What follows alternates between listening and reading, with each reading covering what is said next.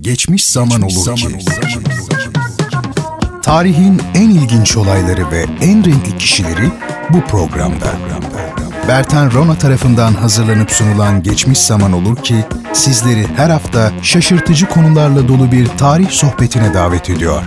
Geçmiş Zaman Olur ki her çarşamba ve cuma saat 21'de Samsun'un Gerçek Radyosu'nda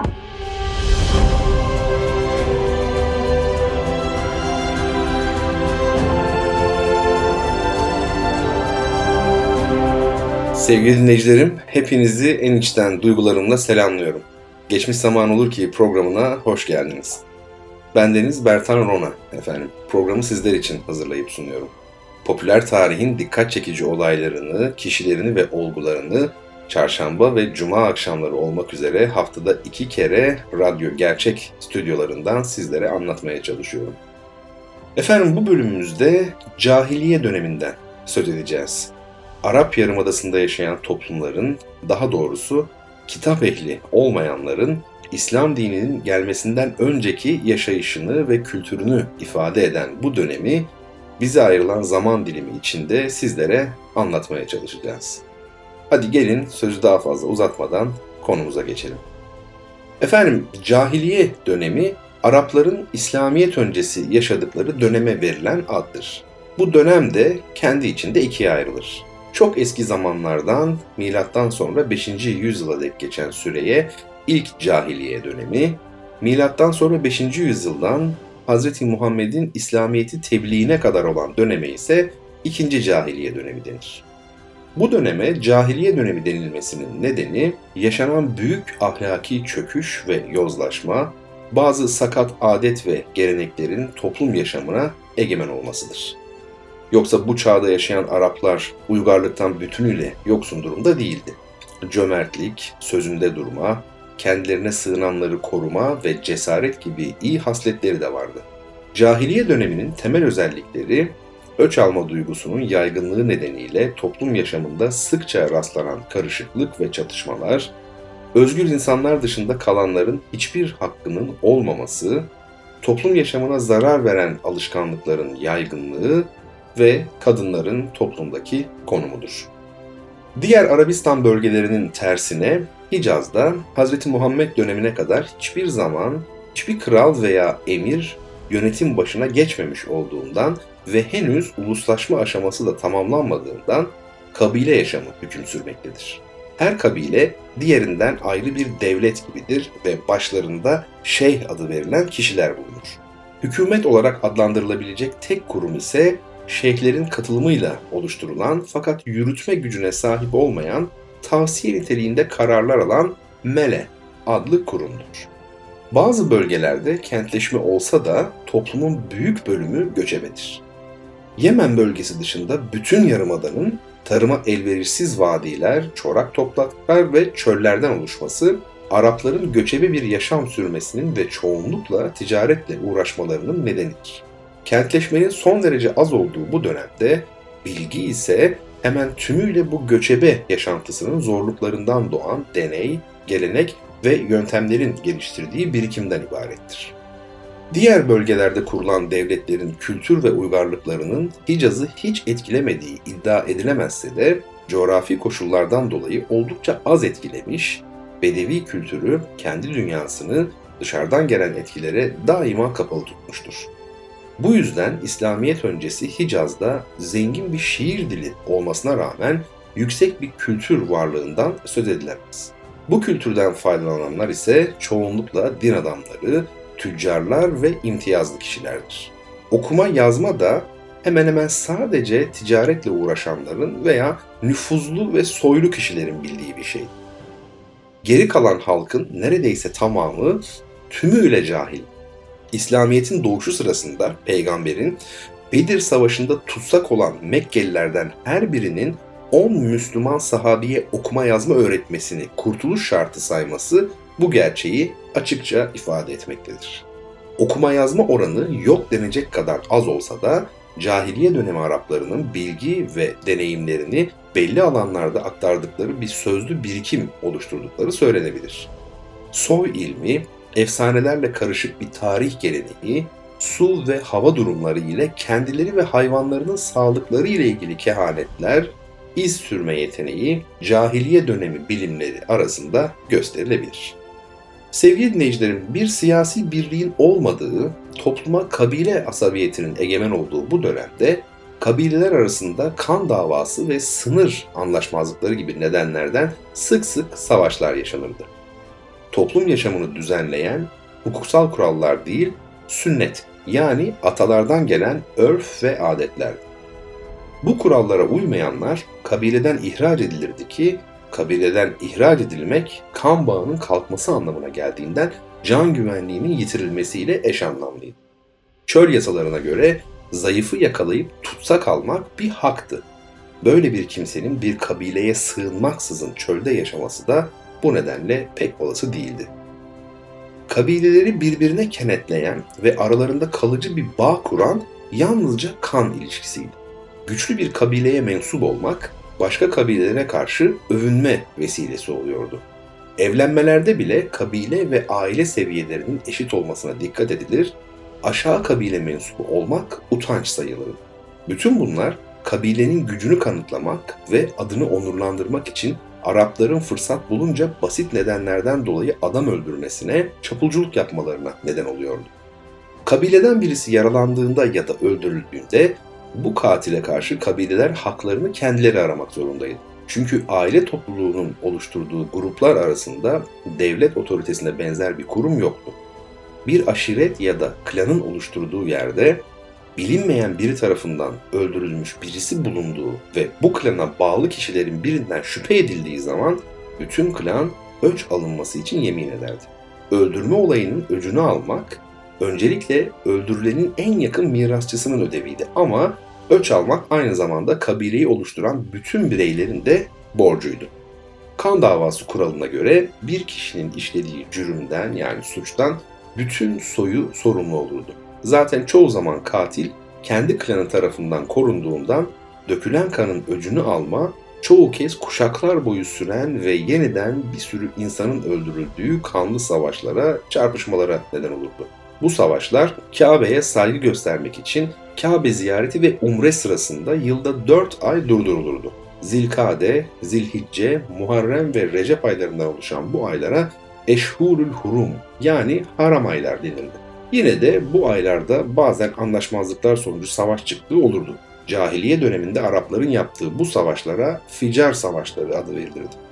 Öç alma şüphesiz diyet olarak deve vermekle de durdurulabilirdi. Ne var ki cahiliye dönemi aynı zamanda kahramanların mezarları başında deve kurban eden Arapların kahramanlıklarıyla övündükleri bir dönemdi. Bu nedenle anlaşmak bir şerefsizlik olarak görülür, katili kendileri öldürmeyi tercih ederler. Çünkü Bedevi'nin bütün işlerini düzenleyen yüksek şeref duygusu onların ahlak prensibinin temelini teşkil ederdi. Araplarda aile toplulukları arasında çıkan kan davaları müthiş kavgaların ortaya çıkmasına sebep olmuş, bu yüzden de diyet müessesesi doğmuştur. İslamiyet geldiğinde öç alma geleneği yüzünden Araplarda her gün yaşanan cinayetler gayet sıradan olaylardı. Efendim, Ebu Süfyan'ın karısı Hind binti Utbe gibi tanınmış kabilelerden birine mensup olmadıkça ya da Hz. Peygamber'in eşleri gibi toplumda kendine yer edinmedikçe cahiliye döneminde kadın haklarından söz etmek olanaksızdı. Orta ve aşağı tabakadaki kabilelerin kadınları daha doğuştan ikinci sınıf insan muamelesine uğruyordu. Bir kişi erkek çocuğu olduğunda sevinip şenlik düzenlerken kız çocuğu doğduğunda utanır, suç işlemiş gibi pişmanlık duyardı. Özellikle aşağı tabakalarda kadının kocasının gözündeki değeri sahip olduğu bir eşyadan daha fazla değildi. Bu dönemde Arap erkeği adet gören kadınla aynı odada oturmaz, onunla yemek yemez, hatta kadın geçici olarak evden kovulurdu. Evliliklerinin temel amacı da sevgiden çok ailedeki erkek evlat sayısını çoğaltmak, böylece düşmanlara karşı daha güçlü olabilmekti. Cahiliye döneminde gerçekleşen evliliklerde kadınla erkeği birbirine bağlayan nikahın dini bir özelliği olmadığından kadın ancak erkeğine bir çocuk verdikten sonra aileden biri olarak kabul edilir. Bu nedenle bir kadın çocuk doğurmadan öldüğünde aile bireyi sayılmadığından başsağlığı için o aileye kimse gelmezdi. Kadınların iyi çocuk doğuranlarına ise büyük önem verirler ve şiirlerinde onlara işaret ederlerdi. Bunu Lebid'in uzunca bir şiirindeki biz dört oğlan anasının çocuklarıyız mısrağında bulunan övünmesinde açıkça görebilmekteyiz. Çocuksuz kadın diyet vermeye mahkum edilirse aile bireyi olmadığından bu diyeti kocası yerine ailesi ödemek zorundaydı. Evlilik dönemine gelen bir kızın eşini seçmek konusunda da en ufak söz hakkı yoktu. Babalar kızlarının yerine karar verir, onun isteğini aldırmaksızın taliplinin yaşlı ya da kötü huylu oluşuna bakmaksızın kızını istediği erkeğe verirdi. Burada temel ölçüt taliplinin serveti ya da kabilesinin toplumdaki konumuydu. Evlenecek erkeğin babası ya da yakın akrabası kızın babasına gider, kızını isterdi ki buna hıtbe denirdi. Uzlaşılır ve kız verilirse bir mehir belirlenir, bundan sonra evlenme gerçekleşir. Arapların öz anneleri kızları, halaları ve teyzeleriyle evlenmeleri yasaktı. Ama üvey anneleriyle evlenmeleri yasak değildi.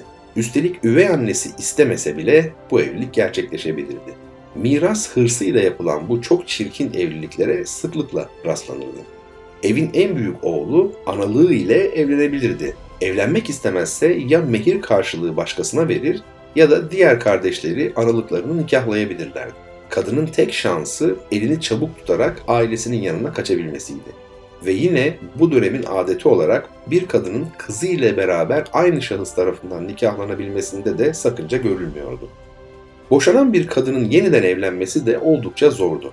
Karısının bir başkasıyla evlenmesine engel olmak isteyen erkek, iddet süresi yani evliliği biten kadının yeniden evlenebilmesi için gereken süre tamamlanacağı sırada onunla tekrar evlenip ardından tekrar boşardı. İddet süresi yeniden başlayacağı için kadın bir yıl daha evlenemezdi. Kocanın ölümünden sonra ise kadınlar tam bir yıl yas tutarlar ve iddete girerlerdi. Ölen kocanın mirasından da en ufak pay alamazlardı. Kadınları aşağılayan bir diğer uygulama ise istibda idi. Soy ve kabilenin oldukça önemli olduğu Arap toplumunda erkekler soylu bir çocuk sahibi olmak istediklerinde karılarını soylu kabilelerin erkekleriyle cinsel ilişki kurmaya gönderir, doğan çocuğu kendi neseplerine alırlardı. Kentlerde yaşayan cariyelerin durumu ise çok daha kötüydü. Cariyeler bir mal gibi alınıp satılabilir ya da sahipleri onları fuhşa sevk eder, bu yolla kazandıkları paraları ellerinden alırlardı. Kadının namusuna saygı çölde şehirdekinden daha çoktu. Yaygın olmamakla birlikte Araplarda kız çocuklarını diri diri gömme adeti de vardı. Bunun nedeni kızlarının bir gün istemedikleri bir kimse ile evlenerek ailenin onurunu leke, lekeleyebilecekleri korkusuydu. Geçim kaygısı ya da kız çocuklarının büyütülmeye değer görülmemesiydi. Göçebe Araplar yaşamasını istedikleri kızlarına çoğunlukla deve ya da koyun güttürürlerdi. Öldürmek istedikleri kızlarını ise doğar doğmaz kum çukuruna gömerler veya 6 yaşına geldiğinde ona güzel giysiler giydirip çölde önceden hazırladıkları çukura atıp üstüne kum örterlerdi.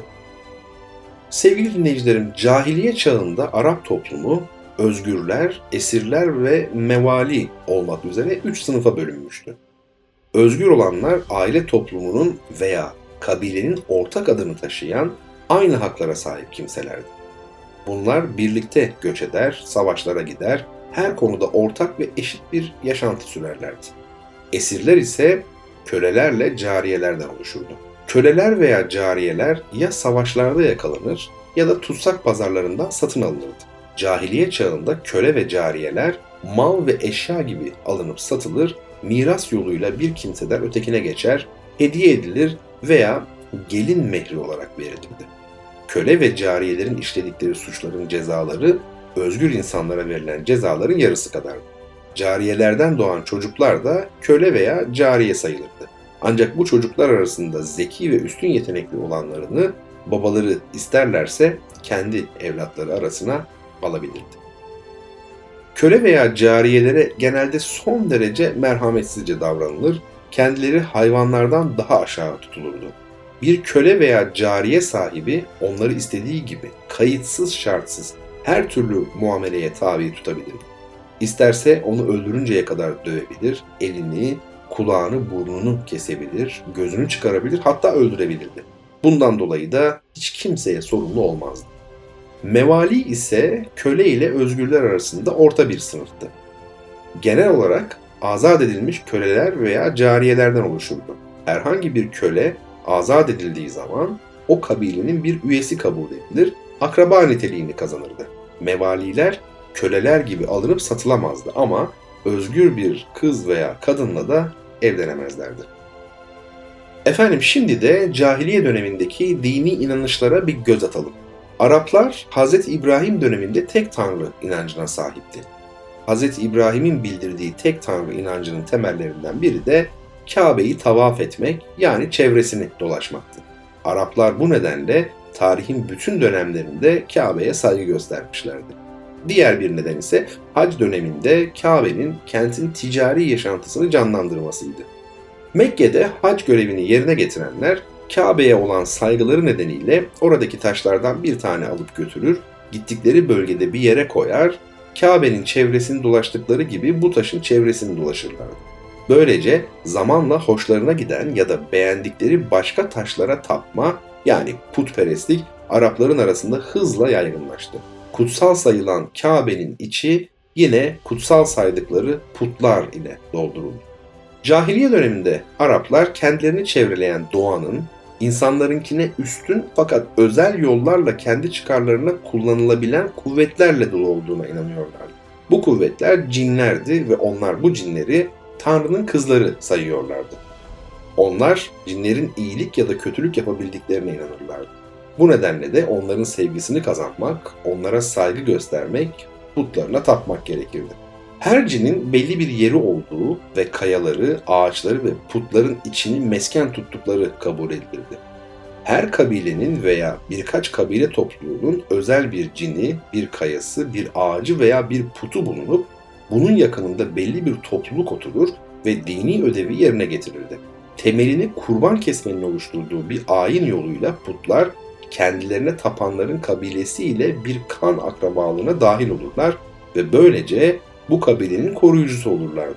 Yani cahiliye dönemi Arapları putları tanrı olarak değil, Tanrı'ya yaklaşma, dua ve isteklerini ona ulaştırma aracı olarak kabul ediyorlardı. Her kabile kendi özel putuna tapar ancak başka kabilelerin tanrılarının da kendi bölgelerindeki kudretini tanırdı. Yüce putların yerleri değişmez, onlar burada kabile göç ettiği zaman onların yerine gelenler tarafından da aynı saygı ile sayılırlardı. Bunun dışında her aile bir put edinip onu kendi evine koyarak dualarında aracı olarak kullanırlardı. O aileden bir kişi yola çıkacağı zaman hayvanına binmeden önce evindeki bu puta elini yüzünü sürer. Bu onun yola çıkmadan önce son yaptığı iş olurdu. Yolculuktan döndüğünde ise yine o puta elini yüzünü sürerdi ki bu iş de ailesini görmeden yaptığı ilk iş olurdu. Zor kararlar verilmesinin gerektiği durumlarda putlara danışılırdı. Putlara danışma çoğunlukla put önünde fal okları çekmek yöntemiyle gerçekleştirilirdi. Evet ya da hayır okundan birinin çıkması ile yapılacak işe karar verilirdi. Cahiliye dönemi Araplarına göre putların içindeki cinler kahinlerle konuşur ve kahinlere gökte neler olup biterse haber verirlerdi. Her kahin kendine sorulan her şeyi çözmeye çalışmakta idiyse de bazen özel bir uzmanlığı bulunurdu. Kahinlerin her şeyi bildiklerini düşündüklerinden fal oklarının yön göstericiliği gibi onlara da danışırlardı. Aralarında çıkan anlaşmazlıklara, onların aracılığına ve verecekleri kararlara önem verirler, hastalıklarında tavsiyelerine uyarlardı. Bunlardan başka içinden çıkamadıkları konularda onların fikirlerini sorarlar, düş gördüklerinde onlara yordururlar, gelecekte başlarına ne geleceğini onlardan öğrenmek isterlerdi. Yine de cahiliye Araplarının putlara olan saygılarının tam olduğu söylenemez. İşlerine geldiği ve duaları tesadüfen isteklerine uygun düştüğü zaman sevinseler de ters düştüğü zaman putlara hakaret ettikleri hatta küfrettikleri de olurdu. Birçok kez de çıkarları ya da durum neyi gerektiriyorsa öyle davranırlardı. Örneğin Beni Hanife kabilesinin kıtlık zamanında hurma ve sütten yapılmış putlarını yemeleriydi. Sevgili dinleyicilerim, başlarken de ifade ettiğimiz gibi cahiliye dönemi Arap toplumu elbette tamamen kötü özelliklere sahip değildi. özellikle konukseverlikleri her araştırmacının dikkatini çekecek ölçüdeydi. Cahiliye dönemindeki Arap toplumunun özelliklerini ve yaşam biçimlerini inceleyenler, yoksulluğun, yoksulluğun onları devamlı tehdit ettiğini görür. Yağmur pek az yağar. Yer kurak, bitkiler yok denecek kadar azdır. Zaman zaman açlıkla karşı karşıya kalmayan Arap sayısı pek azdır. Bu durum güçlü iken aciz, zengin iken fakir olma korkusu ile gücü yetenleri servet elde edebilmek için zorluklara katlanmaya sevk ediyordu. Hatem et Tayi'nin annesi oğlunun cömertliğinin nedenini şu sözlerle anlatır. Senin başın için yemin ederim ki eskiden açlık beni öyle bir hırpaladı ki yaşadığım müddetçe hiçbir aç insanı geri çevirmemeye yemin ettim. İşte bu düşüncelerin ışığında Arap tarihi cömertlik ve ihsanın çeşitli örnekleriyle doldu. Araplarda mal gaye değil araçtı. Sıkıntıda olanları kurtarmak, muhtaçlara yardım etmek ve bunun gibi kutlu gayeleri gerçekleştirmek için bir araç. Geniş, suskun çöl geceleri, köyleri ve su kaynaklarını yutardı. Geceleyin yolculuk yapanların yollarını kaybetmeleri işten bile değildi. Yolunu kaybedenlerin yollarını bulmaları için yüksek yerlerde ateşler yakmak Arapların geleneğiydi. Ateş, Araplar arasında ziyafete daveti temsil ederdi. Hatem, yaktığı ateşlerin misafir çekmesini çok isterdi. Onun için kölelerine ateşi alevlendirmeye devam etmelerini, onu sürekli odun ve çalılarla beslemelerini emrederdi. Bunu misafirin ateşe gelmesi umuduyla yapar, kölesine de eğer ateşi görüp de bir konuk gelirse ona özgürlüğünü bağışlamayı şu sözlerle vaat eder. Ey hizmetçim! Ateş yak. Çünkü gece soğuk, rüzgar serttir. Umulur ki ateşini geçen biri görür. Eğer yaktığın ateş bir konuk getirirse sen özgürsün. Bir diğer adetlerine göre de yolcu yolunu şaşırır da ateş göremezse köpek gibi olur, köpekler de ona cevap verir, böylece kabilenin bulunduğu yeri bulmuş olurdu. Bu kabile gelen misafire ikram için koyun keser, köpeğin payı da unutulmazdı.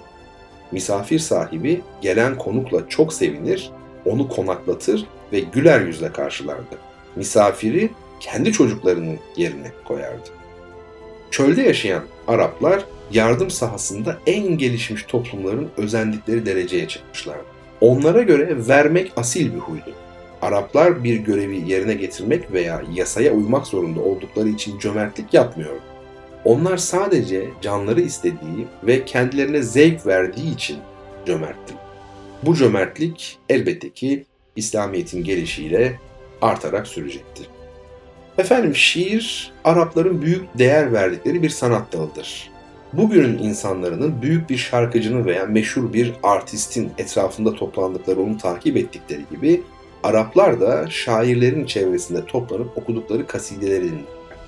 Ukaz, Micenne ve Zülmecaz gibi ünlü panayırlar var. Araplar alışveriş için buralarda toplanırlar, şairler de yeni şiirlerini sunmak için panayırları fırsat olarak değerlendirirlerdi.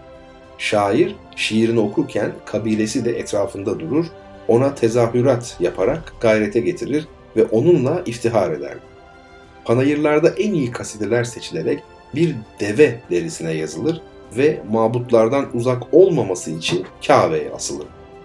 Ukaz panayırı şiir sahasında panayırların en tanınmışıydı. Araplar arasında şairin konumu gerçekten yüceydi insanların nezdinde en üstün mertebede şairler bulunurdu. Bir kabileden adını duyuran bir şair çıktığı zaman diğer kabilelerden konuklar bu kabileyi kutlamaya gelirlerdi. Şairin kabilesi buna sevinir, kurbanlar keser, halka yemek ikram ederdi. Kabilenin kadınları da çalgı çalarlar, dans ederler ve şarkı söylerlerdi. Çünkü şair kabilesini şiiri ve diliyle bir süvarinin kılıç ve harbesiyle savunmasından çok daha iyi savunurdu. Aynı zamanda şair olayları şiiriyle tescil eder, diğer kabilelerin şairleri şiirleriyle kabilesine sataştığı zaman onlara yanıt verir. Araplar arasında şiir ve şairlerin etkisi belirttiğimiz gibi çok büyüktü. Çünkü şair önemsiz birini övünce o kişi değerini yüceltir, şerefli birini eleştirdiğinde ise o kişi itibarını kaybederdi. Şairler kabilesi için övünç kaynağı olduğu gibi aynı zamanda korkulan kimselerdi. Zira sıradan bir insanın elde etmesi olanaksız olan bir ilme vakıf olduğu düşünülen şairlerin gözde görülmeyen bir takım kuvvetlerle irtibat halinde olduğu düşünülür. Bir takım beddualarla düşman üzerine bela ve kötülükler yağdırmak gibi. Arap şiirini okuyan, onda Arapların yaşamını, çölü, çadırı, eğlence yerleri ve su kaynakları ile gayet açık olarak bulur. Arap büyüklerinin sözleri, iyi evlat yetiştiren kadınlar, iyi cins atlar, kılıç tasvirleri hep Arap şiirindedir. Araplar arasında meydana gelen olayların tarihi, belli başlı savaşlar, Arap adet ve ahlakı da yine Arap şiirinde kendine ayrıntılı biçimde yer bulmuştur. Diyelim ve geçmiş zaman olur ki'nin bu bölümünü burada sonlandıralım.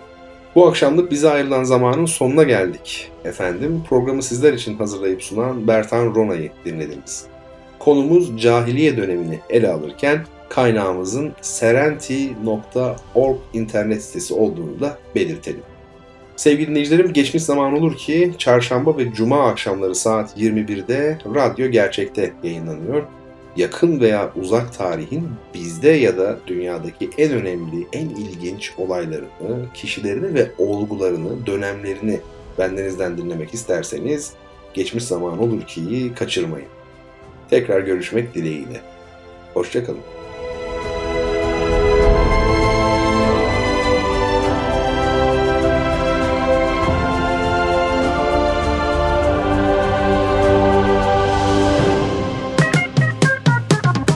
Geçmiş zaman olur ki sona erdi. Bu program hakkındaki düşüncelerinizi dinleyen et radyogercek.com adresine mail atarak bize ulaştırabilirsiniz.